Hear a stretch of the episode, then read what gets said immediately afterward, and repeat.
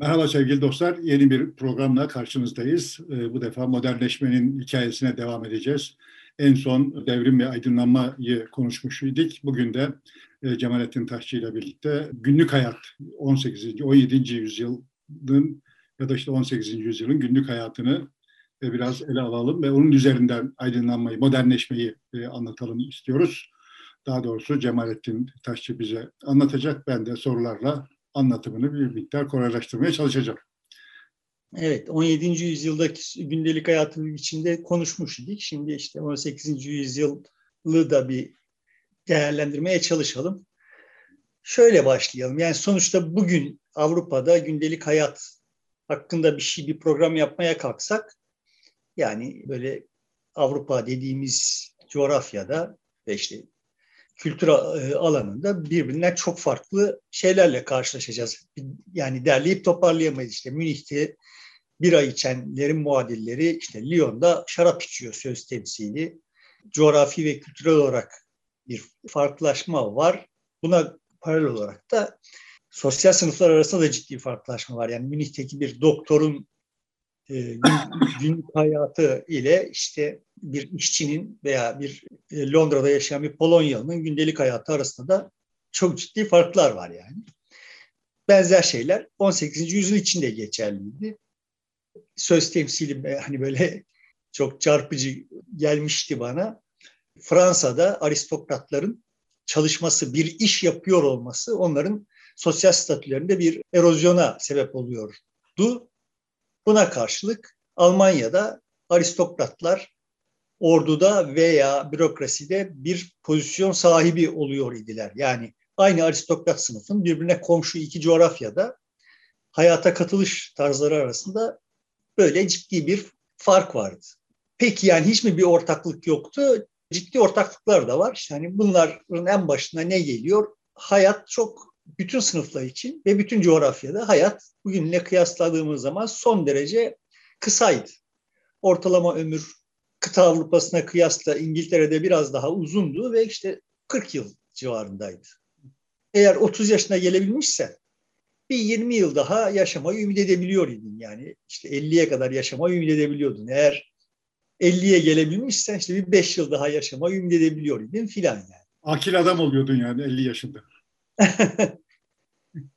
yani ne kadar akil oluyordun onu da kestiremiyorum. Çünkü çok e, o yaşlılık Gençlik de öyleydi ama yaşlılık iyice sağlıksız idi. Bu genel olarak bütün sosyal kesimleri ve bütün e, coğrafyaları kat eden ortak özelliklerden bir tanesi. Ömrün bu kadar kısa olmasının temel nedeni sağlıksızlık mı yoksa çevreyle e, yeterince uyum sağlayamaması mı? Bu beslenme filan sorunlarından mı kaynaklanıyor yoksa gelişmişlik düzeyinin getirdiği bir sonuç mu? Yani şimdi bir kere ortalama ömrün kısalığında en önemli e, etki bebek ölümleri. Bebek ölümleri çok yüksek. Yani kıta Avrupa'sında işte yüzde 12-14 civarında yani 10 çocuktan, doğan 10 çocuktan en az biri ölüyor yani. Bu işte yine İngiltere'de, e, Britanya'da biraz daha düşük ama ana hatlar itibariyle genel şey çok çocuk. Daha bir yaşına gelmeden ölüyor. Çok bebek ölüyor yani ortalamayı düşürüyor olan şeylerden bir, birincisi bu. İkincisi ömrün kısalığın ikinci sebebi sağlıksız şartlarda yaşanıyor. Hijyen yok. Olağanüstü sağlıksız ortamda yaşıyor insanlar ve tıp çok geri. Aslında bu insan ömrünün neye istinaden uzadığı, bu e, son dönemdeki ömrün uzamasındaki temel faktöründe olduğu konusunda rivayet muhtelif. Bu konudaki tartışmalar bitmiş değil. Yani tıbbın ne kadar katkısı var bunda? Çevre şartlarının iyileşmesinin ne kadar katkısı var? Ne kadar genetik etki var? Bunları bilemiyoruz ve bunlar üzerine tartışılıyor. Yani normal şartlarda şunu genetik olarak şunu bekleyebiliriz. Daha sağlıksız olanlar daha erken ölüp çocuk sahibi olamayacakları için daha genetik kodu daha pozitif olanlar hayatta kaldığı için zaten hiçbir şey olmasa, hiçbir faktör etki etmese bile insan ömrünün uzaması beklenir gerçekten de böyle oluyordu. Yani 17. yüzyıldan 18. yüzyıla çok nispi de olsa insan ömrü uzamıştı. 16. yüzyıldan 17. yüzyıla da uzamıştı ve çevre şartlarında işte diğer faktörlerde anlamlı bir değişiklik olmadığı halde bu uzamayı biz genetik faktörlerle açıklayabiliriz. Ama asıl ömrün uzaması daha sonra olacak ve bu büyük ihtimalle tıbbın da etkisiyle değil de çevre şartlarının iyileşmesi yani temiz suya ulaşabilme vesaire gibi faktörler yüzünden olacak. Zaten bunu gözlüyoruz da. Korunaklı evlerde yaşamak, evet. sıcak ortamda olmak falan gibi. Evet, şartlar iyileşince, çevre şartları iyileşince insanların ömürleri dramatik bir biçimde uzuyor yani. Bunların gerçekleştiği coğrafyalarda, mesela Afrika ülkelerinde vesaire falan da bunları gözlüyoruz. Bu konuda tıbbın çok ciddi bir etkisi olmadığını da iddia edenler var. Ama işin tıbbi tarafına bakacak olursak Avrupa'da o tarihlerde doğru dürüst tıp okulları yok. Tıp böyle hani kendisini yetiştirmiş insanların elinde. Özel olarak işte bu işlerden anlayan kadınlar bizim köylerimizde de vardı, hala vardır. Şifacı kadınlar var işte birisi hasta olduğu zaman ona bakıp işte bir takım gözlemlerle ne olmuş olabileceğini, onun hangi bitki köküyle nasıl iyileştirilebileceğini veya işte kurşun dökmeyi filan falan bilen, işte buna nazar değmiş diye diyen filan kadınlar var. Bugün hala vardır. O, o tarihlerde de işte ağırlıklı olarak olay bunların ellerinde. Ama çok eskiden beri bir, bir yandan da işte Hipokrat'ı okumuş, İbn Sina'yı okumuş ve kendisini böyle yetiştirmiş. Yaptığı müdahaleler sonucunda da etrafta bir itibar kazanmış olanlar da var. Özellikle aristokratlar hasta olduklarında vay birbirlerini bulun, getirin filan falan telaşı içinde genel olarak müracaat edilip getirilen insanlar bunlar ve eğer bir çözüm üretebilirlerse e, şöhretlerine şöhret katılıyor. Yani etrafta öyle insanlar var.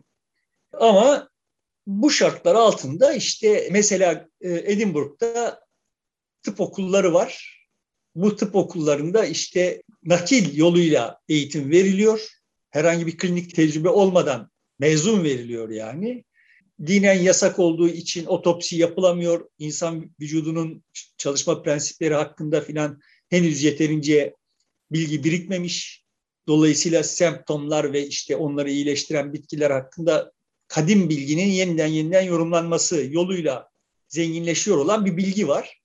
Analitik bir bilgi yok yani elimizde. Ve bu sözünü ettiğim şeyler hani böyle aydınlanma, e, aydınlanma dönemi denen dönemin tam ortasında oluyorlar. Hani böyle dünyanın top yekün değişmesi vesaire filan falan gibi şeylerin gerekçesi olarak gösterilen aydınlanmanın aslında o dönem itibariyle en hayati mevzu olan tıpta bile bir karşılığı olmadığı, yani bir takım insanların bir yerlerde kendi kendilerine bir takım mastürbasyonlarından ibaret bir şey olarak kalmış olduğu, hayatın herhangi bir noktasına değmediği, zaten sonra da değmeyecek yani. Sonrasında da olay kendi mekaniği içinde gelişecek ama işte geçen de bir videonun altına yazarken söylediğim gibi eylemden önce bir fikrin geldiği gibi bir zanna sahibiz. Dolayısıyla bu 19. yüzyılda 18. yüzyıldaki alt üst oluşun arkasından 19. yüzyılda bambaşka bir dünyaya uyanacak Avrupa. Onun arkasında bir fikir olması gerektiği fikrin yüzünden işte aranıp bulunmuş bir şey orada 18. yüzyıldaki aydınlanma. Tabii yani bilim insanları bir araya gelecekler, bir proje üretecekler, bunu böyle yapalım diyecekler. Bir takım zenginler, işte o dönemin e, kodamanları, iktidar sahipleri, e, klanlar, şunlar bunlar da e, onlarla bir araya gelip bir proje gerçekleştirecek. Toplumda buna uyacak. Biz bu akıllarla hep bugünlere kadar geldik. Evet yani mesela işte Voltaire teşhis edecek ki bu işler çok tatsız. Kant işte bir proje ortaya koyacak. Ondan sonra iktidar sahipleri o projeyi hayata geçir. Yani böyle olmadı işler yani. Yani Kant bir şeyler yazdı mı yazdı. Kant'ın yazdıklarına benzer şeyleri yazanlar binlerce yıldır. yani bütün toplumlarda hep vardılar. Voltaire gibi adamlar bütün toplumlarda hep vardılar. Bunlar daha önceki dönemlere kıyasla daha müessir vesaire falan falan da olmadılar. Daha sayıca daha çoktular belki oransal olarak. Çünkü evet bütün bu karanlık tabloya rağmen 18. yüzyıl 17. yüzyıldan iyiydi. 17. yüzyıl 16. yüzyıldan iyiydi. Ne anlamda? İnsanlar daha iyi besleniyorlardı söz temsili. Neden? Yani çünkü işte tarım teknolojisi daha önce konuştuk. Ağır ağır gelişmişti. Bu kolon takası sayesinde daha önce bilinmiyordu olan işte patatesli, mısırdı bunlar gelmiş idi Avrupa'ya. Bunların dekar başına verimliliği daha yüksekti falan. Dolayısıyla işte bu ömrün uzamasında o beslenme şartlarının yani ihtiyaç duyulan kaloriyi alabilir alabiliyor olmanın da etkisi oldu. Ve 18. yüzyıl evet birçok bakımdan 17. yüzyıla kıyasla daha iyi. Bütün bu coğrafi ve sınıfsal farklılıklara rağmen ortak olan şeyler yok muydu? Vardı. İşte bu 40 yaşlık ömrün paralelinde mesela bütün insanlar çirkindi. Yani hemen hemen herkesin çiçek bozduğu cildi vardı. Hemen hemen herkesin dişleri çürüktü. Çoğunun dişleri dökülmüştü yeterince yaşamış olanların. Avurtları çökmüştü dolayısıyla. Nüfusun ciddi bir kesimi çocukken raşitizm geçirdiği için işte bacakları çarpıktı, omurgaları çarpıktı vesaire. Yani etrafına baktığın zaman gördüğün insanlar bugün gördüğün insanlardan insanlarla kıyaslandığında çok daha çirkindiler. Yine sağlık gibi, konusundaki şeyler yüzünden yani. Öyle hani bugün son derece standart olan işte diş bakımı şu bu vesaire falan falan gibi şeylerin hiçbirisi yoktu. Aydınlanma vardı ama bunlar yoktu yani. Şimdi burada hani enteresan bir taraf ve bir mevzuya geç, geçeyim. Peki yani şimdi çiçek bozuğu cildimiz var, dişlerimiz dökülmüş filan falan. Bir de işte özellikle Fransa'da ve Britanya'da aristokratız veya aristokrat olmaya özeniyoruz işte hani sermaye biriktirmişiz. Burjuva yeni yeni belirmeye çalışan burjuvalardanız. Kendimizi bu dönemin çomarlarından nasıl ayıracağız? Fikirsel olarak ayıramıyoruz. Çünkü hepimize hükmeden, hepimizin dünya tasavvuruna hükmeden bir kilise var. Ona bilahare geleceğim. Görünüş olarak ayırt edeceğiz kendimizi. Nasıl ayırt edeceğiz? İşte o çalışmak zorunda olan sınıflar, hayatta kalması için çalışması gereken sınıfların yanık tenleri var. Bizim tenimizin yanık olmaması, beyaz olmamız bembeyaz olmamız, hiç güneş görmemiş olmamız bizim çalışmak zorunda olmadığımızı en önemli delili. Dolayısıyla beyaz görmemiz gerekiyor. Bir yandan da bu işte çiçek bozuğundan, e, onun görüntüsünden de kurtulmamız gerekiyor. Çünkü işte tiyatrolar artmış, muhtelif sebeplerle bir araya gelip eğlenmeye başlamışız vesaire. Veya işte sosyetenin baloları şunlar bunlar sıklaşmaya başlamış, yoğunlaşmaya başlamış. Bir araya geliyoruz yani artık üst sosyal sınıflar olarak oraya da çirkinliğimizi örterek gitmemiz gerekiyor. Kadın erkek makyaj yapıyor. Yani ciltlerini daha beyaz görünecek şekilde sıvıyorlar yani. Nelerle sıvıyorlar? Örtüyorlar yani. Kusurlarını evet. örtüyor herkes. Evet. Bu ne, nelerle sıvıyorlar? Ağırlıklı olarak kurşun ihtiva eden bir takım makyaj malzemeleri var, kremler var vesaire. Bunlarla sıvıyorlar ve şunu biliyorlar yani bu kurşun, yani bu, bu e, malzeme kurşun ihtiva ediyor. Kurşunun da zehirleyici bir özelliği var. Bunu biliyorlar ve buna rağmen bunları kullanmayı sürdürüyorlar. Bu sadece ağırlıklı olarak yüzde kullanılıyor. Erkeklerde sadece yüzde kullanılıyor. Kadınların giyimi de çok mutaassıp. Hala çok mutaassıp. Sadece işte göğüslerinin bir kısmı görünüyor. Göğüslerin üstü, gerdanları görünüyor. Oraları filan da sıvıyorlar yani. Bembeyaz görünüyorlar. İşte e, dönemin modası öyle bembeyaz olmak ve işte çok görünür bir şekilde yanaklarda allık, dudaklarda da ruj. Bunların tamamı ciddi miktarda kurşun ihtiva ediyor ve ciddi sayıda insan bu kurşun zehirlenmesinden ölüyor. Yani bilmiyorlar da kullanıyorlar değiller. Bile bile kullanıyorlar. Güzel görünme duygusu ölüm korkusundan önde geliyor o zaman. Her zaman olduğu gibi yani.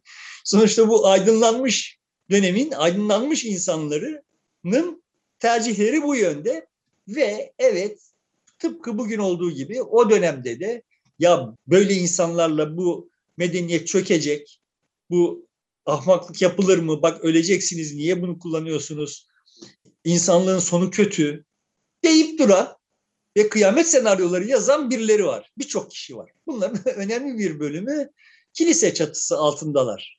Ama yani sadece kilise çatısı altında olanlar değil. Bağımsız, layık ve liberal düşünceye sahip olanlar da yani mesela Voltaire'de tam da bu kelimelerle olmasa da işte Fransa aristokrasisinin çürümüşlüğü, bunu İngiltere sürgüne gittiğinde İngiltere ile mukayese ederek ekstra zenginleştirerek falan falan Fransa toplumunun çürümüşlüğü, bu çürümüşlükle işte bir gelecek olmadığı vesaire hakkında sayfalarca yazıyor, söylüyor.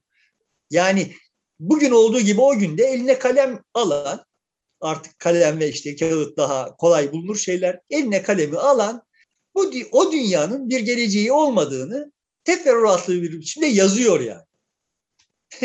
Sonrasında biz aradan 200 yıl geçip döndü, geri dönüp baktığımız zaman tam da o tarihlerde aslında her şeyin alt üst olmaya, değişmeye başladığını görüyoruz. İçinde yaşarken evet o alt üst oluş bir kaygıya, endişeye yol açıyor. Evet ama sonrasında övünülmüş olan ne varsa aslında o dönemde gerçekleşmiş.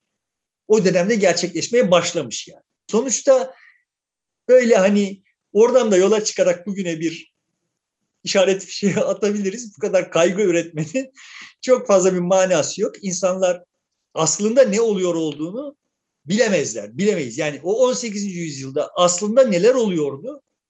Geleceğe ne kalacaktı? Bütün o hengameden yani çok şey oluyordu. Bir kere o dönemde bu olup bitenleri hepsini e, takip edebilmek de herhalde çok zordu. Çünkü ya bugün İngiltere, de çok... İngiltere'de olanı hadi Münih'teki biraz daha yakın öğrenebilir ama Viyana'daki, Sofya'daki ne zaman öğrenecek? Hayır bugün de çok zor. Yani çünkü hani diyelim ki malumat geldi de o ne manaya geliyor? Şimdi mesela şunu biliyoruz 18. yüzyıl boyunca kademeli olarak yani istikrarlı olarak bütün bir yüzyıl boyunca şehirler büyüdüler Avrupa'da. Bu büyümenin yol açtığı görünür mevzu şu şehirlerde artan kalabalığın ciddi bir bölümü işsiz kaldı. Alkolizm arttı. Mesela sen e, lağım olarak akıyordu Paris'in ortasından. Yani çirkinlik, pislik, sosyal çökme, çöküş, çöküntü vesaire ne varsa hepsi zirve yapmıştı yani. Ama işte onun içinde bir yandan da bir şeyler mayalanıp duruyor idi ve o mayalanıp duranlar o biçimsizlikler kadar kolay görülebilir değil. Bunu biz defaatle yaşayacağız. Yani çok sonra Paris'te ilk otomobil göründüğü zaman işte o dönemin en popüler işte tırnak içinde modern mimarı Le Corbusier buradan bir kaygı hikayesi anlatacak bize. Yani otomobil üzerinden bir kaygı hikayesi anlatacak. Vay otomobil geldi işte Paris filan diye başlayacak yani. Yani her nesil bunu tekrarlayıp duracak ve şimdi de tekrarlanıyor. Ama pratikte olay öyle olmadı. Şimdi bu mayalanma hangi toplum kesimleri arasında oluyor? Yığınlar geliyor, yoksulluk içerisinde işte işsizlik, alkolizm artıyor, sen nehri e, feci kokuyor filan. Onların bir dermanı yok gibi gözüküyor. Peki bu mayalanma, bu değişimin işaretleri hangi sosyal sınıflar içerisinden neşet ediyor? Ay sonuçta işte o Paris'e gelmiş çok olağan dışı şartlarda, çok biçimsiz şartlarda yaşıyor olanlar falan falan yüzyılın sonuna doğru devrim yapacaklar. Yani mayalanıyor olan şeyler böyle şeyler. Yani öfke birikiyor bir yandan, bir yandan ümit birikiyor. Niye geliyor insanlar o yani Londra'yı öyle, öyle bir... olmuyor. Yani toplum kesimlerinin bir grubu orada kendiliğinden bir hayat sürüyor, hiçbir şeye karışmıyor. Öbür tarafta birileri bir şey yapıyor değil. Her yerde her an bir şeyler değişiyor. Tabii bu bir game yani karşılıklı kesimlerin birbirine karşı oynadığı bir game. Şimdi net toplamda baktığın zaman ortada kapitalizm yok. Ama benzersiz bir eşitsizlik var. Şimdi bugün ağzına eline kalemi alan demeyelim var. Elime klavye, eline klavyeyi alan bütün bu e, yani çok eşitsizlik var mı? Var. Ciddi bir sıkıntımız sıkıntı. Ama bunun müsebbibi olarak kapitalizmi gösteriyor Marx'tan bu yana. E ama yani sonuçta ortada kapitalizm yok eşitsizliğin dibine vurulmuş. Yani bir yanda işte o balolarda kendisini kurşunlu makyajla zehirleyen işte birisine kendisine birbirine kendisine beğendirebilmek için kendi hayatını riske atan ve Paris'in varoşlarında neler oluyor bundan haberi bile olmayan bir takım insanlar var. Bir tarafta da işte gelmiş Paris'e veya Londra'ya şehrin kıyısına ilişmiş çaresizlik içinde yani hırsızlık vesaire aklına gelen ne biçimsizlik varsa hepsini yapıyor olan ve alkolde kendisini boğuyor olan kesimler var. Bütün bunlar aynı anda varlar ve ortada kapitalizm falan yok. Şimdi böyle baktığın zaman tabloya onların ikisi ayrı ayrı bir şeyleri e, birbirleriyle ilişkileri üzerinden de başka bir şeyleri mayalandırıyorlar ya. Yani. Bunlar gözle görülebilir, adı konabilir şeyler değil. Teker teker herhangi birisinin adını koyabilme şansımız yok ama net toplamda bütün hikaye bittiği zaman neyi görüyoruz? O aristokrat sınıf ortadan kalkıyor. Yani çalışmadan servet sahibi olmayı bir marifet olarak gören aristokrat sınıf ortadan kalkıyor. Onun yerini risk al alarak işte kendi tırnak içinde zekası, girişimciliği vesairesiyle falan falan servet biriktirebiliyor olduğunu iddia eden, dolayısıyla o servetin hakkı olduğunu iddia eden burjuvazi alıyor. Ve o burjuvazi işte kendi varlığını sürdürebilmek için o alt sınıfların hayatına müdahale edecek şeyleri yapmak durumunda kalıyor vesaire ve işte bizim binlerce yıl de- değişmeden sürmüş olan ne varsa onu alt üst edecek olan, tepeden tırnağa değiştirecek olan şeyler orada mayalanıyorlar yani. Tekrar söylüyorum orada öfke, çaresizlik vesaire ama yani görünüyor ki bir yandan da yani Londra'nın öyle olduğunu görüp dururken adam yine köyünden kopup geliyor. Bunu bugün İstanbul'da da görüyoruz. Öyle değil mi? Yani şimdi ya da 80'lerin İstanbul'unda şimdi oturup filmler yapıyoruz. İstanbul'a geliyor Haydarpaşa'ya iniyor işte böyle saf salak Anadolu çocukları ulan salak mısınız burası işte sizin bildiğiniz gibi değil falan diye onlara akıllar veren yazılar yazıyoruz filmler yapıyoruz falan falan adam biliyor kardeş. Sen adamın bilmediğini düşün. Adamın o şartlarda buraya gelirken hayalleri var. Şimdi Suriyeli göçmenlerin Türkiye'ye gelişi gibi ya da Afganlı göçmenlerin gelişi gibi. Ondan bir tık farklı. Çünkü yani belki hani geldiği yerde o kadar çaresiz değil. Şimdi Suriyeli gelirken çok çaresiz. Onu bir şey ittiriyor. Ama İstanbul'a gelenler bir şey çekiyor. Ne o çekiyor olan? Adam kendi kaderini kendisi tayin etmek istiyor. Yani daha yoksul olacaksa da ona kendisi karar vermek. Onu değiştirenin kendisi olması. Köyünde adamın böyle bir şansı yok. Buraya gelecek çünkü kendisini de o kendi köyündeki insanlardan farklı görmüş. Yani en, en cesur olanlar göçer. Bu yani köyündeki çevresine bakmış görmüş ki ya bana burası dar gelecek. Yani ben bu köylüden farklıyım yani. Dolayısıyla bir maceraya atılıyor, geliyor. Buraya gelen 10 10 kişi geliyor ise 9'u yoksulluktan perişan oluyor ama bir tanesi vurup çıkıyor. Bunu bilemiyor, bilemezsin yani bak sen vurup çıkabilirsin kardeşim sen gel İstanbul'a tek 9'u gelmesin diyemezsin. Çünkü o o oyunun sonunda belli olacak. Oyun oynanmadan belli olacak bir şey değil. Ama bu işte aydınlanma aklıyla bakıldığında ya işte o gelsin ya da ya lan ne kadar aptalsınız böyle geliyorsunuz falan. Sen şimdi son tahlilde işte kaybedeni görüyorsun. E kazananı da gör. İstanbul'da bugün öyle veya böyle bir işi başarmış olanların neredeyse tamamı İstanbul dışından gelmiş olanlar. İstanbulluların hangisi bir iş başarabiliyor? Yani dokuz göbek İstanbullu olanların hangisi bir işi başarabiliyor? Yani? Ancak hayatta var olmayı sürdürebiliyorlar.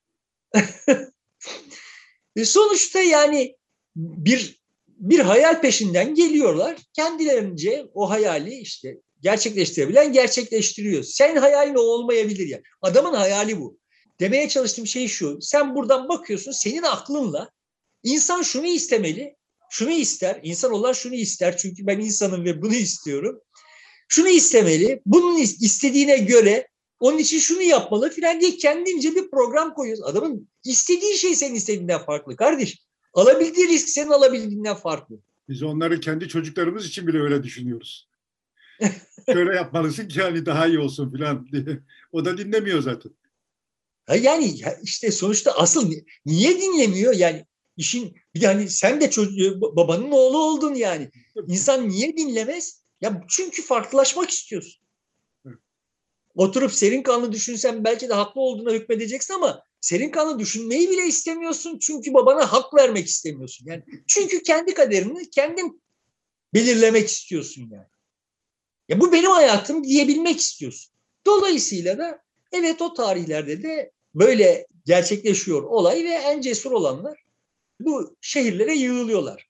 Bu konuda bu daha bu diziye başlarken müracaat etmiştim. Ian Morris'in Why the West Rules for Now, Dünyayı Neden Batı Hükmediyor Şimdilik diye bir kitabında bir takım böyle istatistikler var. Yani çok güvenilir olmadığını, yuvarlamalar olduğunu Ian Morris kendisi de söylüyor ve yine söylemiştim hatırlatayım. Onun doğu dediği Hindistan'ı ihtiva etmiyor. Hiç söz etmiyor Hindistan'dan, Bengal'den filan. Ama 17. ve 18. yüzyıllar bahse konu olduğunda Bengal'den söz edilmemiş olması Doğu hakkında bir takım şeyleri eksik bırakıyor. Buna rağmen yani o Doğu dediği zaman, Çin medeniyetini Batı dediği zaman bütün tek tanrılı dinler de dahil, bu Jan Morris'in sınıflandırması değil, genel sınıflandırma budur zaten. Bunu da konuşmuştuk. Yani biz Avrupa'dan söz ediyoruz. Avrupa batının batısı. Yoksa Osmanlı vesaire de batının Ülkeler. Batı medeniyetinin bileşenleri o tarihlerde. Bu Doğu Batı mukayesesinde şehirlerin hali hakkında gösterge olsun diye kullanabileceğimiz şey 1600 yılında Batı'nın en büyük şehri İstanbul. Nüfusu 400 bin. Yan Morris'in hesabına göre. Doğu'nun en büyük şehri Pekin. Nüfusu 700 bin. Yani 1600 yılı 17. yüzyılın başında doğudaki en büyük şehir batıdaki en büyük şehrin bir buçuk katından büyük. 1700'e geldiğimizde 18. yüzyılın başına geldiğimizde Londra İstanbul'u yakalamış durumda. İstanbul'un ve Londra'nın nüfusu 600'er bin. Pekin'in nüfusu 650 bin. Yani en büyük şehir açısından baktığımız zaman Doğu irtifa kaybetmiş. Batı'da eşitlenmiş şey. Evet eşitlenmiş aradaki zaten Jan Morris'in hesabına göre de kabaca Batı'nın doğuyu, doğuyu yakaladığı tarihler bu tarihler. Diğer göstergeler açısından. 1700 mü tarihi? Tarih Pardon? olarak 1700 mü 16. yüzyıl mü? 17. yüzyıl 18. yüzyıl yani. O civarda. Şimdi 18. yüzyılın başında ne dedik? İstanbul ve Londra 600 bin, Pekin 650 bin. 18. yüzyılın sonu geldiğinde Londra en büyük, İstanbul'u geçmiş artık 900 bin, Pekin 1 milyon, 1 milyon 100 bin. Yani nüfus olarak Pekin daha büyümüş ama diğer göstergeler açısından Doğu medeniyetinin erozyonunu göreceğiz yani. Şimdi burada dediğim gibi şeyi atlamak... Şöyle de bir soru geliyor. Kalabalıklar şehirde işte bir takım mayalanmaları hızlandırıyor ise e, Londra'da, Batı'da bu oluyor. Pekin'de niye olmuyor? Niye çöküşe gidiyor?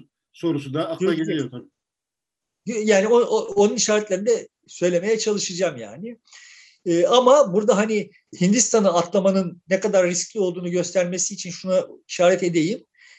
1585'te Hindistan'ı ziyaret eden bir İngiliz tüccar diyor ki Agra ve Fetahpur bunlar Kuzey Hindistan'da ve işte birisi Bengal bölgesinde iki şehir Londra'dan çok büyük, çok kalabalık yani mukayese edilemeyecek kadar büyük diyor. Bu muhtemelen işte belki o dönemlerde Agra'nın ve işte Fetahpur'un Pekin'den de büyük olabileceği ni işaret ediyor. Niye Jan Morris Hindistan'ı hesaba katmamış? Bu konuda herhangi bir açıklama da yapmıyor. Aslında teknik olarak Hindistan hakkında daha çok bilgi sahibi Batı medeniyeti. Çünkü Hindistan'ı sömürgeleştirdiği için o 18. yüzyılla birlikte artık Hindistan'a hakim olduğu için İngilizler Hindistan hakkında çok bilgi sahibiler ve Hindistan'ı çok önemsiyorlar da. Yani aslında hani bunu daha önce konuşmuştuk. Hindistan'da sanayi devriminin bir biçimde e, öncü işaretlerinin ortaya çıkmıştı olduğunu batıdan önce filan teslim ettikleri için Hindistan hakkında hem daha bilgililer hem oraya daha e, hakimler hem daha saygılılar. Ama yani Ian Morris nedense bunu pas geçiyor. Şimdi gelelim Doğu ile Batı arasındaki farkı yaratan faktörlerden belki de en önemlisine. Kendince bir enform enformasyon teknolojisi skoru hesaplıyor Ian Morris. Bu nüfusun ne kadarı işte bir cümleyi okuyabilir. Okuyabilecek kadar okuma yazma biliyor. Ne kadarı bir paragrafı okuyabilecek kadar, okuyup anlayabilecek kadar okuma yazma ve dil bilgisine sahip ne kadarı işte bir paragrafı okuyup anlayıp ondan sonra onu yeniden yazar, yazabilecek kadar gelişmiş, yetişmiş vesaire gibi bir e, şeyi var. Buradan bir ortalama skor üretiyor ve bu ortalama skor 1600'de erkekler için batıda 6,5. Doğuda yani bir not bu 6,5. E, yüzde altı buçuk evet. Erkekler için ama. Kadınlarda bunun yüzde ikisi. 17. yüzyıl başındaki tablo bu. Bu doğuda 17. yüzyıl başında 7,25 erkeklerde. Kadınlarda yine yüzde iki. 18. yüzyıl başına geldiğimizde 1700'e geldiğimizde bu batıda 12 12 buçuk kadınlarda yüzde ona çıkmış. Doğuda 9 kadınlarda yine yüzde iki. Şimdi altı buçuktu ötekisi 7.25'ti daha yani kadınlarda eşit olmak kaydıyla erkeklerde altı buçuk 7.25'ti. 18. yüzyıl başına geldiğimizde 12.5'a çıktı. Kadınlarda %10'a çıktı. Ötekisi 9'a düştü. Pardon ancak 9'a çıktı ve kadınlarda yine %2 kaldı. Yani kadın oyunun dışında doğuda. Doğru. Batı'da girmiş. 18. yüzyılın sonuna geldiğimizde bu değer batıda 19,3'e çıkıyor. Kadınlarda %50. Bunun yarısı kadar yani. Yani kadınlar erkeklerle aradaki farkı ciddi ölçüde kapatmaya başlamışlar. Doğuda 12,75 ciddi oranda geride kalmış ve kadınlarda bu oran %5. Yani %2'den ancak %5'e çıkmış. Batı'da %2'den %10'a çıkmıştı, %50'ye çıktı. Anlaştık mı? Şimdi okur yazarlık üzerinden kendince yaptığı bilişsel kapasite itibariyle Batı, Batı dediği yani bütün Osmanlı coğrafyası da dahil, bütün o coğrafya doğuya kıyasla çok hızlı bir gelişme kaydediyor ve bilhassa kadınlar yani nereden 6.5'tan 7.25'e oradan 12.5'a çıkıyor ve bilhassa 19,3'e çıkıyor ve bilhassa kadınlarda bu artış gerçekleşiyor ama doğuda Çin'de onun doğu dediği münhasıran Çin artık ve doğuda bu gerçekleşmiyor. Bu alt üst oluş görünüyor ki kadının gücünü arttırıyor. Geçen programda söylemiştim yani kadınlar kadınlıklarını henüz keşfetmemiş olsalar da erkekler kadınlarda kadınlığı keşfettiler, ke- keşfediyorlar o dönemde. Kadınlar ağır ağır, bütün sosyal sınıfların bütün kadınları değil ama işte kendisini kilisenin ve geleneğin zincirine meydan okuyabilecek kadar cesur hisseden kadınların hayat hakkı bulabildiği bir kaotik tablo ortaya çıkıyor. Şimdi bu da birçok insanı ürkütüyor. Birçok düşünürü, aydını vesaire falan. Yani kadının bu kadar oyunun içine girmesi bütün dokuyu bozuyor, sosyolojik dokuyu bozuyor vesaire. Yani işte kadının işi çocuk doğurmaktır, onun bakımını yapmaktır vesaire filan falan o tarihlerde de söyleniyor. Bunlar yeni laflar değil yani. Ve bunları söyleyenler sadece kilise mensupları değil tekrar söylüyorum. Ama yani gördüğümüz tablo ne? Bir yanda uzaktan baktığımız zaman gördüğümüz tablo ne? Bir yandan köylerden şehirlere daha önce görülmemiş. Yani buradan bakınca çok zayıf ama e, o tarihler itibariyle bakıldığında daha önce görülmemiş ölçekte bir taarruz var ve bu taarruz e, şehirlerin yaşama standartlarını olağanüstü olumsuz etkilemiş. Bir yandan kadınlar, bazı kadınlar hop bu dünyada biz de varız. Bir, bu konuda çok şık bir misal vardı bulamadım yani. Türk bir tarihçi kadın doğru anlıyor isem İngiltere'de çalışıyor bilim insanı. O onun bir kitabı vardı. Edinburgh'da yani bu 18. yüzyılda gerçekleşiyor olay. Edinburgh'da genç kızlar evlenmemiş yani henüz. Genç kızlar bir okuma kulübü kuruyorlar. Yani 7-8 kız yanlış hatırlamıyorsam bir kulüp kuruyorlar ve işte okuma günleri düzenliyorlar. Her birisi aynı kitabı okuyor sonra bir araya geliyorlar bunları tartışıyorlar filan. Şimdi o kitapta anlattığına göre bu İngiltere için, Britanya için bile çok orijinal bir şey. Yani kadınların böyle şeyler yapmaları çok hoş karşılanmıyor. Kadınların da pek azı buna cesaret ediyor. Ama görüyoruz ki yani ortada işte bir otorite boşluğu olmuş ve orada o bu otorite boşluğundan başını kaldırıp kadın olduğu halde yok ben de okuyacağım ve tartışacağım. Burada işte daha zevkli bir hayat bu. Filan diyen kadınlar çıkmış. Çıkabiliyor. Şimdi daha öncesinde çıkamıyordu veya işte Çin'de çıkamıyor. Çünkü bunu yapanın başı derde giriyor yani otorite tarafından. Yani diyelim kilise onları insan işte çıkamaz hale getiriyor eğer aforoz etmiyorsa filan. Orada işte otorite boşluğu olmuş ve otorite bunu yapam yapamadığı durumda kadınlar bu işe cüret ediyorlar. Ama şunu görüyoruz yani aynı genç kızlar evlenmeye başladıklarında grup dağılıyor. Çünkü evliyken o işi sürdürme şansları yok. Çünkü evliyken görevleri var yani. Veya görevleri varın ötesinde evliyken kocalarına tabiler. O otoritenin dışına çıkamıyorlar yani. Evet bu sefer geleneğin ve işte ataerkinin dışına çıkamıyorlar yani. Ama işte kademe kademe böyle bir takım ya bunu yapabiliriz ve yapmamız lazım diye denebilir bir durum ortaya çıkmış ve bunlar mayalanıyor yani. Bunları şimdi demeye çalıştım. Muhtemelen bu, bunlar da e, anne olduktan sonra çocuklarını bir araya getirme bahanesiyle yine kitap okumaya başlamış olabilirler. Onları bilemiyorum yani ama hani bunların tuttukları gün e, şeyden e, kulüp günlüğünden yola çıkarak işte böyle bir kitap yazmıştı galiba kadın. Bulamadım yani aslında çok uğraştım aradım da bulamadım. Sonuçta dönem böyle bir dönem. Bu dönemde işte e, sosyal sınıflar tabii ki bu işleri yapan kadınlar tırnak içinde yani kız, genç kızlar tırnak içinde tuzu kuru yani ailesi iyi durumda olan illa aristokrat olması gerekmiyor ama yüksek devlet memuru yani bürokrat zaten onların bir kısmının babası sonra işte tayin oluyor. Edinburgh o dönemde enteresan bir yer bu İskoç aydınlanmasının bütün başat figürleri oradan çıkıyor. İşte ama Edinburgh'dan Londra'ya tayin oluyorlar vesaire filan falan. Böyle bir takım hikayeler var. Bir hareketlilik var yani. Yani donmuşluk binlerce yıldır gerçekte, gerçekleşiyor olanın tekrar tekrar yaşandığı o donmuşluk hali ortadan kalkmış, kalkıyor ve bu içinde yaşarken baktığın zaman evet bütün nirengilerin, bütün referansların buharlaşıyor. Korku verici yani.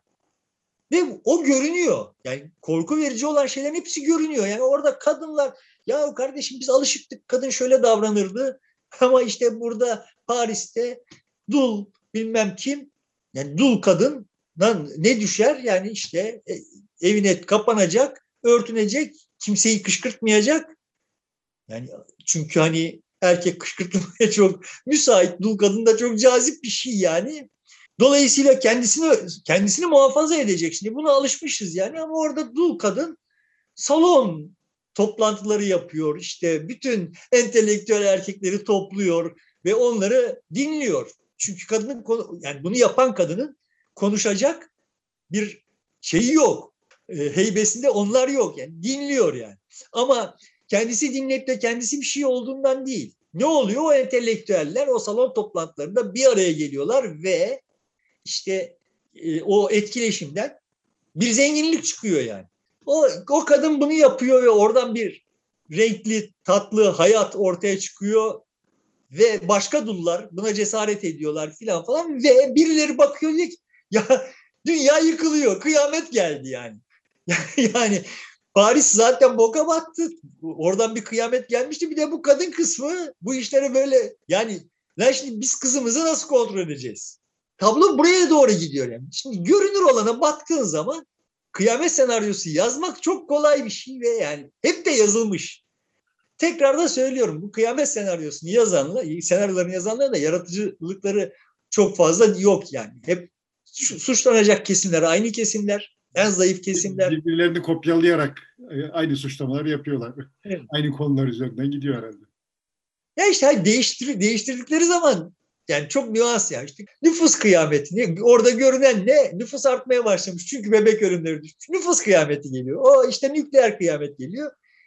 Ve bunun arkasında da hep şey konuyor yani. Bu aymaz sınıflar, bu ahmaklar bu tercihleri yapıyorlar.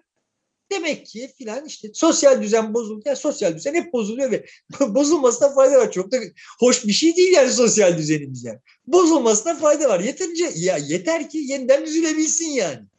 Yani o bozulmuş olanı başka türlü yeniden yapabiliyor isek zaten bozulması gerekiyor. Şimdi içinde sıkıştığımız şey çok anlamlı bir gönderme yaptığını düşündüğüm için hani buna vurgu yapıp duruyorum.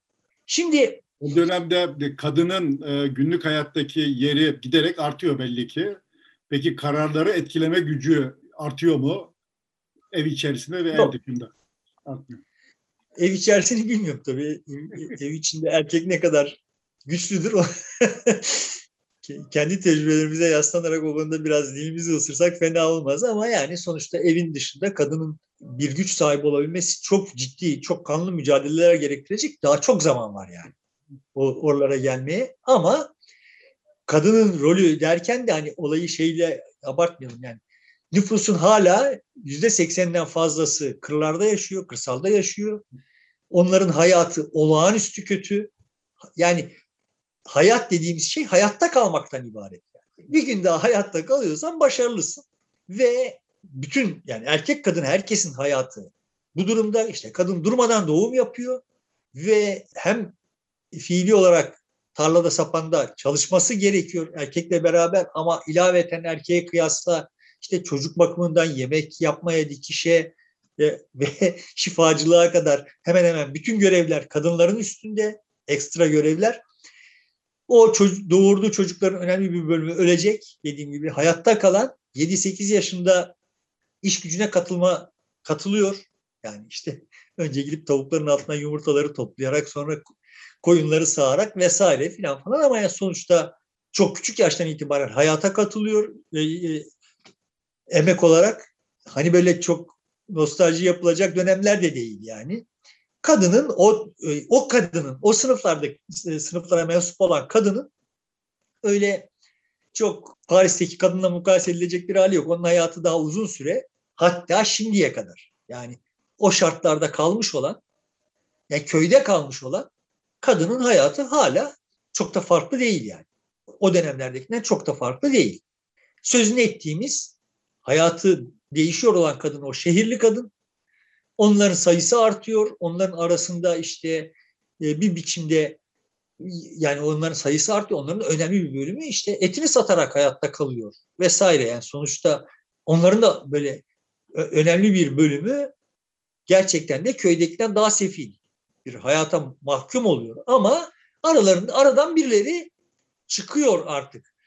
Burada bizi ilgilendiriyor olan tarafı ne işin? Bütün o çekilen onca acıya rağmen buradan bir başka dünya filizleniyor. Kimsenin planlamadığı, kimsenin istemediği.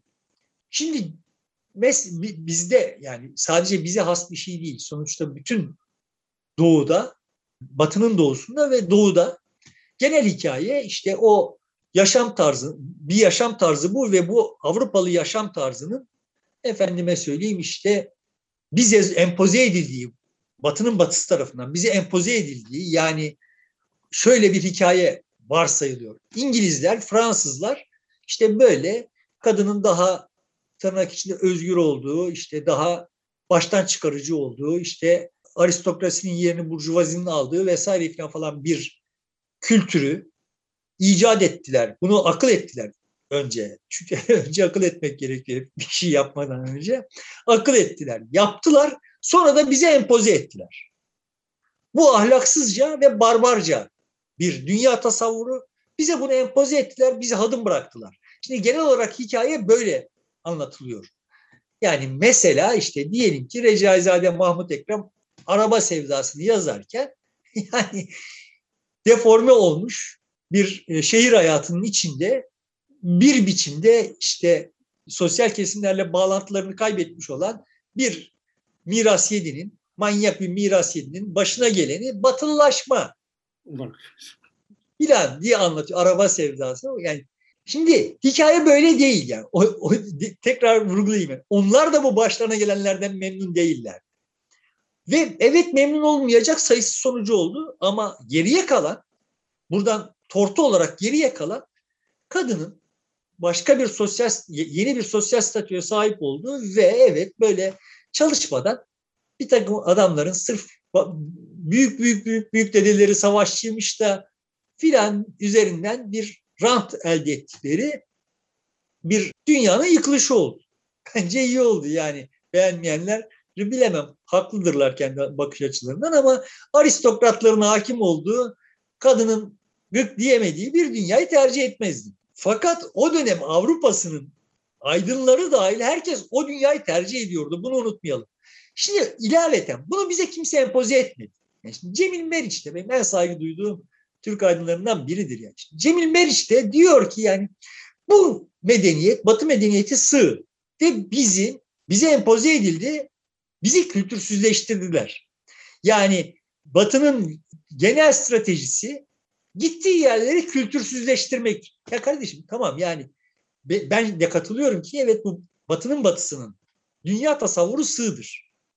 Yani gerçekten de Batı Avrupa'nın dünya tasavvuru sığ benim açımdan da ve bunu ayrı bir program halinde konuşabiliriz istersen yani. Ama ya bunu kimse bize empoze etmedi. Bak biz biz kendi kendimize onlara özendik. Çünkü onlar kazandılar yani. Yani gelip de İngilizler, Amerikalılar Türkiye'yi nasıl kültür, kültürsüzleştiririz filan diye bir proje yazmadılar. Sonuçta senin yetiştirdiğin çocukların senin daha derinlikli vesaire filan falan bulduğun kendi medeniyetlerinden bir hikaye çıkaramadılar. Dolayısıyla çıkarması gerekenler vardıysa yani mesela sen çıkaramadın yani. Şimdi durmadan yakınıyorsunuz da hiçbiriniz çıkaramadınız. Ben de ben de o taraftayım. Ayrıca tekrarlayayım. Ben de şimdi Cemil Meriç'in tarafındayım. Buradan bir hikaye çıkarılması gerekiyordu. Çıkaramadık. Tamam Ama yani birileri gelip de bize kendi hikayelerini dayatmadılar. Onlar kendi hikayelerini anlattılar ve biz onlara özenip bizim içimizdeki çocuklarımız onlara özenip o hikayeleri bize anlattılar. Keloğlan'ın değil Andersen masallarını anlattılar yani.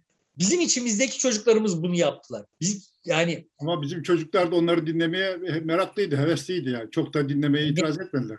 Çünkü dinleyecek bir şey de yoktu belki de. Neyi anlatırsan onu dinler ya çocuklar. Burada esas mesele, benim esas derdim şu. Sonuçta adamlar tırnak içinde emek harcadılar. Bunda çok iyi olduklarından, çok akıllı olduklarından dünya daha zengindiler yani. Ya adamın gelip Konya'da Mevlana'yı inceleyecek insanları var yani.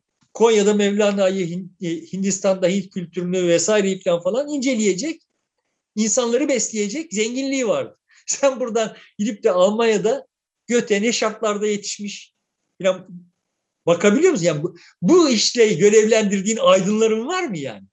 Yani Hint kültürünü şimdi Cemil Meriç Hint kültürünü keşfettiği zaman aslında Doğu'nun batıya kıyasla ne kadar daha derin olduğunu keşfetmiş. Kendisinin anlattığı hikaye böyle yorumlanabilir. Yani bir kere Hint kültürü bizim bizim kökümüz değil de yani biz batılıyız. Ne kadar inkar edersek edelim. Ama yani Hint kültürünü sen nereden öğrendin? Batılılardan öğrendin. Hintliler öğretmedi ki sana. Ya çünkü onu merak edip orada bir kıymet yani kendi medeniyetlerinin ne kadar sığ olduğunu keşfedenler de Bat Batı Avrupalılar yani. Dolayısıyla derinlik arayışıyla Hindistan'a çocuk Hindistan'a gidip Hindistan'ı keşfedenler o batılı çocuklar. Şimdi e... Konya'da Konya'da maneviyat arayanlar o batılı çocuklar. Yani buradan bir bu batıyı batının sığlığını giderir mi? Gidermez. Ama demeye çalıştım. Bak kimse bize bunları kendisi dayatmadı. Bizim içimizdeki çocuklarımız bunu yaptılar. Çünkü evet sığ çocuklarım, çocuklarımız var. Niye daha derinlik çocuk yetiştiremedik diye kendimiz suçlamamız gerekiyor.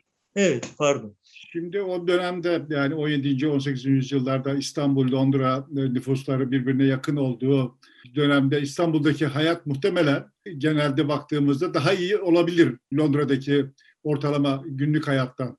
Yani insanların evde yedikleri, içtikleri, ısınmaları, işte sıhhat durumları falan karşılaştırıldığında bu mayalanma niye İstanbul'da yeterince olmuyor da Londra'da oluyor mesela?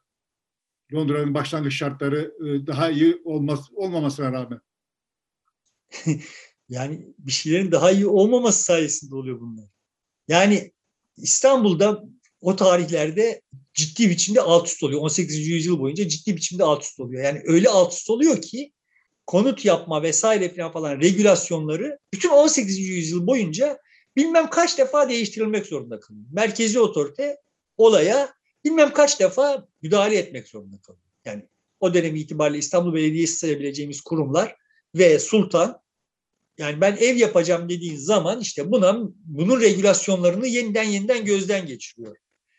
Mesele şu mesela o kadar hakim ki hikayeye sen boş bulduğun bir yere ev yapma şansına sahip değilsin. Şu bölgeye yap yapılabilir yani. Bölge bölge açıyor merkezi yönetim. Şimdi baktığın zaman evet senin dediğin gibi her şey çok daha kontrol altında. Dolayısıyla her şey daha iyi. Londra'da tablo böyle değil. İşte o sayede o çatlaklardan bir şeyler çıkabiliyor. Burada çıkamıyor çünkü çatlak yok. Nerede bir çatlak varsa üstüne beton döke, dökebilecek bir güç var yani. Yani otorite daha e, güçlü burada. Hakim. Tabii tabii. Ama otorite daha güçlü. Otorite hiçbir problemi de çözemiyor. Ayrıca da yani bir yandan işte sonuçta şey ticaretini kaçırmışsın elinden. Hindistan ticaretini. Yani Çin ve Hindistan ticareti üzerinden imparatorluğu sürdürüyor idin. Ciddi ölçüde bu senin finansman kaynağında. Şimdi onu kaybetmişsin. Kaybediyorsun. O giderek zayıflıyor. Problemin ne olduğunu teşhis edebilecek kabiliyetin de var ama bunu çözecek bir şeyin yok. Ama çözme gücün olmadığı halde hala her şeyde sana sorulsun istiyorsun ve sormayanın da kellesi gidiyor zaten. Dolayısıyla soruluyor. Ama işte mesela Yeniçeri Ocağı problem kaynağı olmayı sürdürüyor ve onu çözemiyor yani. Merkezi otorite çok güçlü. Neye güçlü? Sana güçlü yani. Senin evini senin istediğin yere yapmana mani olabilecek kadar güçlü. Ama Yeniçeri Ocağı'nın işte yozlaşmış artık yani Yeniçerilikle alakası kalmamış bir takım insanların hamam işleterek afyon ticareti yaparak vesaire filan falan İstanbul'u haraca bağlamasına mani olacak gücü yok.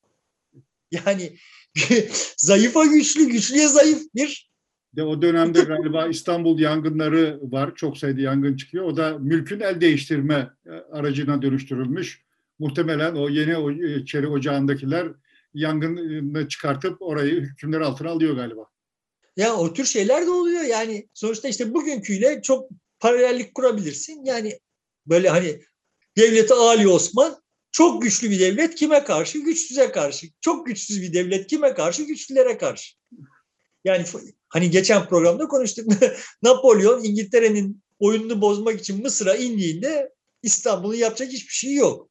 Yani İstanbul'da Yeniçeri'ye de gücü yetmiyor. Zaten işte sağda solda yarattığı mütegallibeye de gücü yetmez hale gelecek 18. yüzyıl sonunda.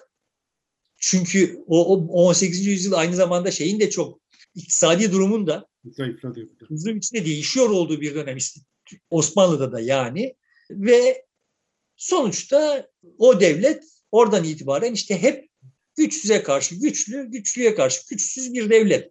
Şimdi İngiltere'de tablo, Britanya'da tablo böyle değil. Zaten niye Britanya'da oluyor da bütün bunlar nispi olarak daha durmuş oturmuş ve işte bir şeyler daha yerinde görünen Fransa'da olmuyor. Yani Fransa niye hızlı bir biçimde 18. yüzyıl boyunca İngiltere'ye karşı irtifa kaybediyor?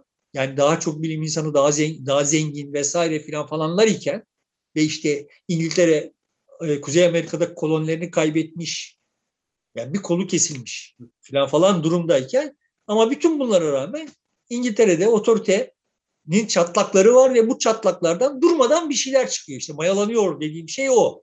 Son tahlilde evet yani şimdi bugüne baktığımız zaman bugünün şartlarında Türkiye'de de nerede bir çatlak varsa oradan bir şey çıkma ihtimali var ve onları görmüyoruz yani. Yani Ama, şöyle, şöyle de diyebiliriz. Mesela e, Amerika Birleşik Devletleri'nde şimdi çok çatlak var. Bir şeyler çıkabilir. Çin'de mesela o kadar çatlak gözükmüyor. En azından dıştan baktığımızda merkezi otorite çok daha güçlü. Dolayısıyla orada çatlaklardan bir şey çıkmayabilir. Ben ben öyle bakıyorum. Sonuçta şimdi sen şimdi her tarafa beton dökebildiğin zaman o güce sahip olduğun zaman Fransa öyle yani. O zaman çatlak olmadığı zaman biriken enerji büyük bir deprem halinde ortaya çıkıyor. İşte 1789 oluyor. Yani Çin'de bir şey olacaksa şimdi olabilir olanlar olamadığı için o birikim Çin'i yerle eksan edecek şekilde patlayacak. Ama Amerika'da işte dediğin gibi oradan I can't breathe diye bir şey çatlıyor. Buradan işte beyaz Amerikalılar gidip de e, şeyi basıyorlar, kongre basıyorlar falan filan yani birçok çatlak var ve o devinim bir şeylere bir şeyler doğuruyor. Ne doğuracak? Doğurduğu şey nasıl büyüyecek? Onu bilmiyoruz yani. Ama bir şeyler doğuyor yani. Dünyaya bak benim bakış açımın zaten temel farkı budur. Yani ben hep, hep sevdiğim misalle şöyle söylerim. Yani eğer fark varsa enerji vardır. Yani pilin pozitif ve negatif kutupları arasında e, fark var. Bu sayede elektrik enerjisi çıkıyor ve işte cihazları çalıştırabiliyorsun. Ama bu fark eğer çok büyükse, belli bir limiti geçmişse o zaman yıldırım olup düşüyor ve yakıyor. Yani o, oradan fayda üretemiyorsun yani. Dolayısıyla bu küçük küçük küçük küçük çatlaklar, o çatlaklardan bir şeylerin zuhur edebiliyor olması vesaire falan falan benim dünyaya bakış açı, açım itibariyle bereket manasına gelir ve oradan bir şey umabiliriz. Ama onu planlayamayız. Evet. Çatlak Şimdi, tabiri şöyle bir benzetme yapalım ya da örneklenmiş olalım. Ee, Özal döneminde orta direk çok güçlüydü. Ee, sınıf, orta sınıf hakikaten vardı. Ee, para da elinde geçiyor. Ee, çok fazla bir şey olmadı herhalde. Ee, şimdi ise orta sınıf kayboldu. Yukarıda ve aşağıda, aşağıda büyük yığılma, yukarıda da az kişinin elinde büyük kudret e, var. Şimdi buradan enerji mi çıkar, yıldırım mı çıkar? Buradan kötülük çıkar. Yani ama sonuçta Türkiye her e, şeye rağmen işte okullaşmasıyla, Kürt hareketiyle, kadın hareketiyle vesaireyle filan falan bir yandan da bir takım çatlakları olan bir yer her şeye rağmen yani. Buralardan bir hayır çıkmasını ümit ediyoruz sonuçta. Yapabileceğimiz şey bu. Yani aslında fay kırığı dediğimiz şey yeni enerjinin çıkabileceği bir e, avantaja dönüştürülebilir de dönüşebilir, dönüştürülemez. Yani bu, bunlar planlanıp yapılamazlar. Yani dolayısıyla benim hani benim bakış açım ben topluma güveniyorum derken kastım şey böyle bir şey yani. Toplum her, toplumdaki her bir fert çok akıllı, çok güzel, çok yetenekli ve vesaire olduğundan değil. Yani. Toplum böyle çalışıyor. Bir yığın insan bir yığın bedel ödüyor. Ama son tahlilde işte bir nesil için şu şu şu, şu faydalar çıkıyor. Hani şimdi buradan programı çok uzattık galiba şeye bağlayayım. 18. yüzyılın çok tayin edici e, hususlarından bir tanesi de kömür. Özellikle Britanya'da. Yani şimdi ormanları yakıp bitiriyorlar. ısınmak için ve enerji için başka bir şeye ihtiyaç var. Britanya ciddi kömür yataklarının üzerinde olan bir ada. Adalar topluluğu. Dolayısıyla şimdi kömür giriyor hayata. Yani Britanya işte İspanyol sömürgelerini ele geçiriyor. Oradan şu kadar altın transfer ediyor. İşte Hindistan'da şunu elde ediyor. Bu arada demin sözünü ettiğimiz çatlaklardan bir takım burjuvazi işte oradan bir kadın hareketler çıktı filan falan böyle hikayeyi anlatmaya yetiyor mu? Yetmiyor. Eğer kömür olmasa bütün bu şartlar bir araya geldiğinde de bir cacık çıkmayacak yani. Ama kömür var. Ve kömür işte sanayi devrimini tetikleyecek. Yani bir cacık çıkmayacak derken sanayi devrimi olmayacak. E çünkü sanayi devrimi dediği şeyin olabilmesi için enerjiye ihtiyaç var ve bilinen enerji kaynakları işte o zamana kadar. Ormanlar bitmiş, kömür aa bak tamam deyip de çıkartılamazsa ve de ehlileştirilemese sanayi devrimi diye bir şey olmayacak. Ama ne oluyor? Kömürü bulup çıkartıp işe yarar hale getirmeden önce bulup çıkartmak gerekiyor. bulup çıkartmak için ne oluyor? Birçok insan telef oluyor. Yani sonuçta zaten çok elverişsiz şartlarda yaşıyordu olan çok geniş kesimler var. Ama onların e, onlardan bile daha elverişsiz şartlarda işte madenlerde çalışan, çalıştırılan özellikle başlangıçta çocuklar olmak üzere işte çok biçimsiz yani birçok kazalar oluyor, grizu patlamaları vesaireler falan falan çok insan hayatını kaybediyor ama hayatını kaybetmeyenler de çok sağlıksız şartlarda yaşıyorlar vesaire ve akın akın kömür çıkartıyor İngiltere. Sonra da bu kıta Avrupa'sında da tekrarlanacak bir hikaye. İşte Alsas-Lorraine üzerinde Fransa ile Almanya'nın birbirine girmesini falan arkasına yatan temel sebepler işte sonra işte Ruhr bölgesinin ayaklanma yani adam olması vesaire falan. Bunların çoğu e, hemen hemen tamamı haritaya baktığın zaman aslında geleneksel kömür havzaları bunlar. Sonrasında bunlara demir havzaları eklenecek.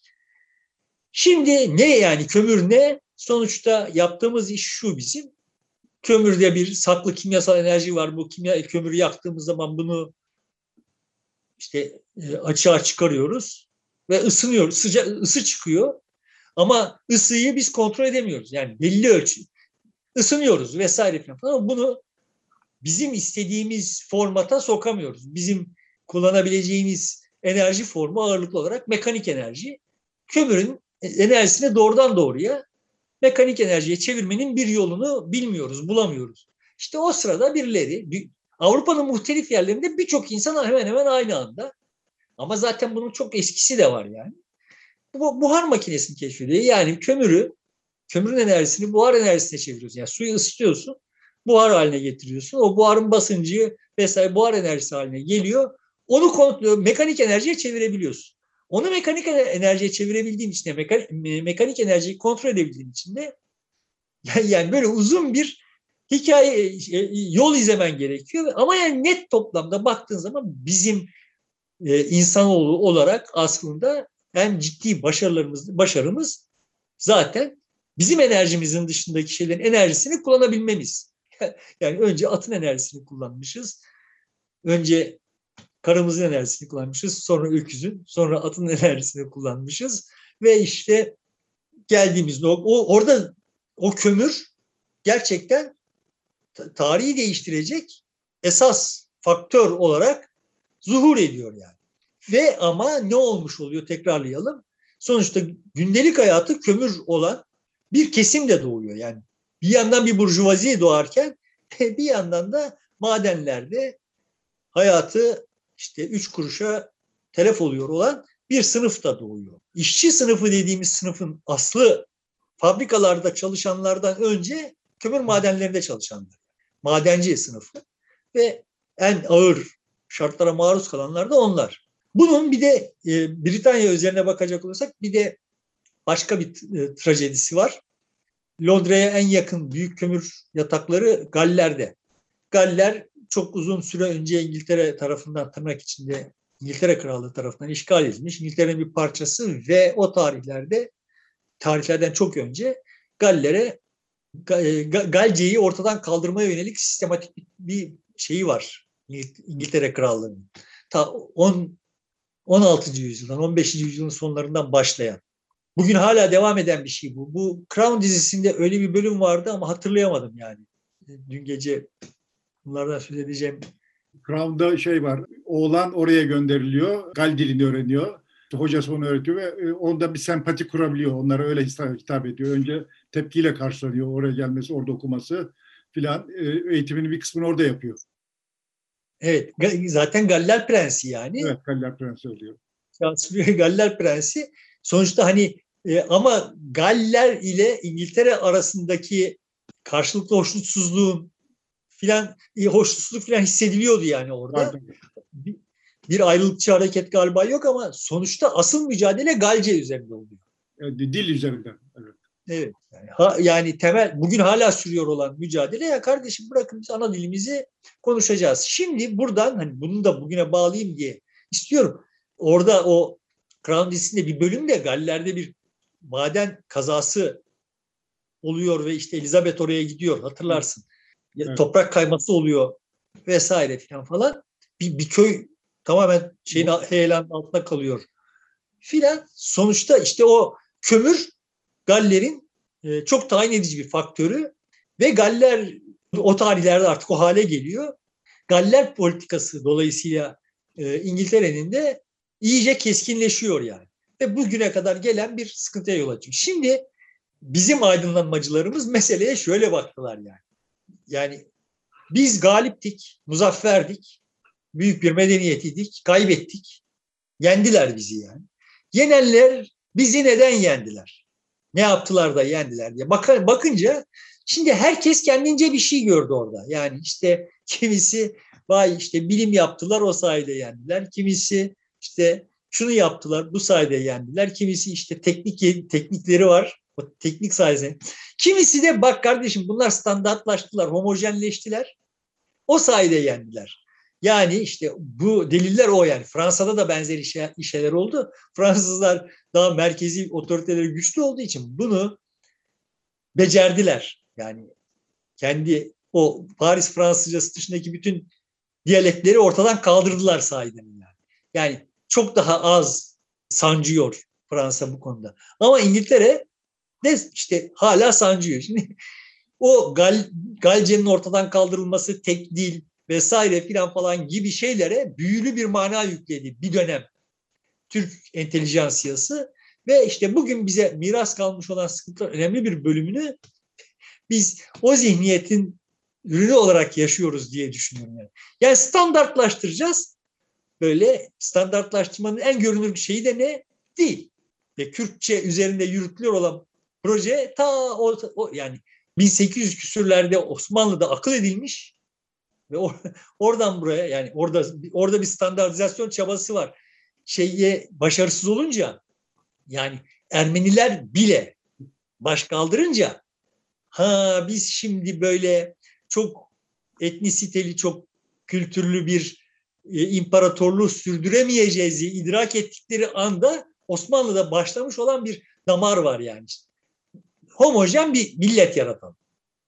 Cumhuriyet onların mirasçısı. Dolayısıyla şimdi bu e, Galler'den, e, kömürden söz etmişken yani bunu da hatırlatmış olayım. Yani bunun varsa eğer İngiltere'nin başarısına bir rolü çok tali bir rolü var yani. Kömürün rolü var, o çatlakların rolü var.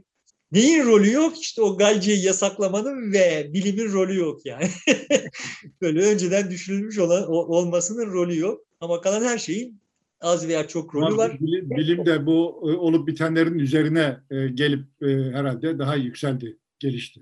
Şimdi bütün bu hikayeler olurken Avrupa'nın tamamında ve Britanya'da kilise tartışılmaz bir otorite. Yani e, kilise kurum olarak tartışılmaz bir otorite de sadece kilise yani kiliseyle dini birbirinden ayırt etmekte fayda var yani doğal toplumun içinde yaşayan dini toplumun içinde yaşayan din de tartışılmaz bir otorite.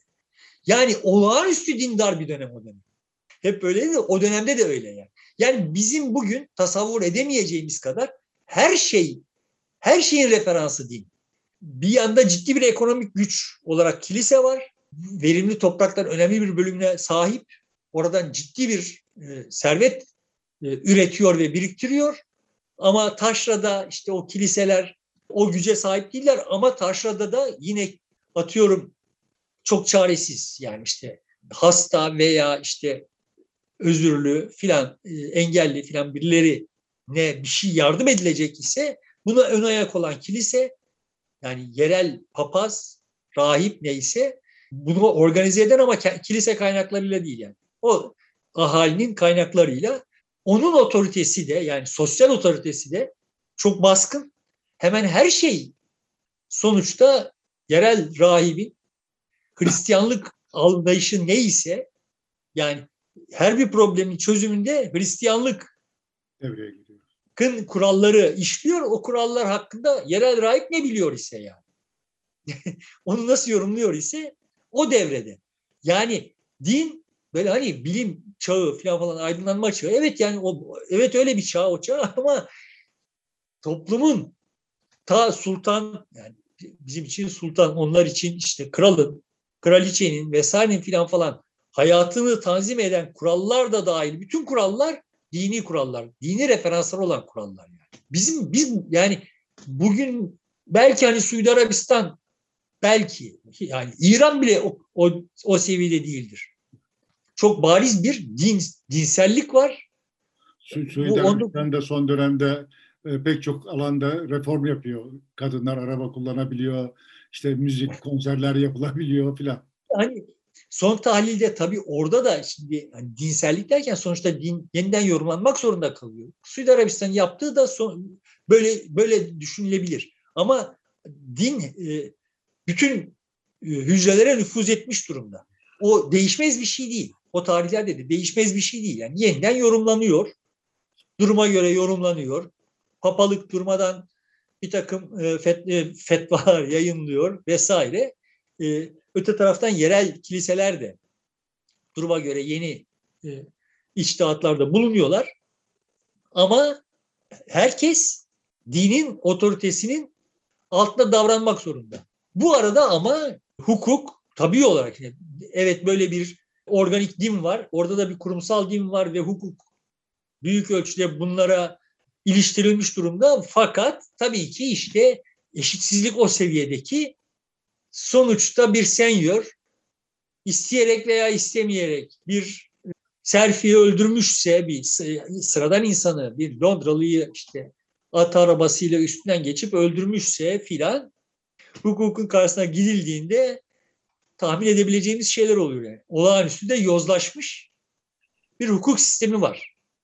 Ve sonradan imrenilecek olan ne varsa bugün işte bakıldığında vay bilim işte kadın hakları vesaireler falan diye böyle kendisinden imrenilen ne varsa o toplumlar yapıyorlar yani. böyle bir yerlerden özel milletler, toplumlar ithal edilip Mars'tan falan falan getirilip onlar başarmıyor. O toplumlar yapıyorlar. O şartlardaki toplumlar. O kadar cahil, o kadar deforme, o kadar yozlaşmış, o kadar çaresiz toplumlar yapıyorlar bu işleri. Karşılıklı etkileşim içinde gerçekleşiyor yani. Evet. Son şeyler bitirelim istersen. Bence hani buradan 18. yüzyıl hakkında herhalde söyleyeceklerimi bitirdim. Buradan asıl yani net bir türbülans dönemi olduğu intibanı bırakabilmişimdir umuyorum. Bütün kolonları peş peşe çöküyor olan bir dönem Avrupa için ve o içinde yaşarken büyük bir endişeye yol açıyor iken hiç hesapta olmayan şeyler doğuracak. İşte onlar 19. Bu mesela şeyler sürecek. Geleceğe yönelik kaygılar, kıyamet senaryoları sürecek 19. yüzyılda ama 19. yüzyılda bir yandan da şunlar çıkmaya başlayacak artık. Biz büyük bir iş başarıyoruz. muazzam bir iş başarıyoruz. Gerçekten muazzam bir iş gerçekleşmiş olacak. O önümüzdeki hafta 19. yüzyılla başlayalım. Ne kadar sürer bilmiyorum. Zaten 19. yüzyılın sonuna geldiğimizde de bitiririz yani. Bitiririz. Peki. Sevgili dostlar burada e, bitiriyoruz. E, aydınlanmanın e, 17. 18. yüzyıldaki günlük hayatını daha çok ele aldık. Önümüzdeki programlarda buluşmak üzere. Hoşçakalın.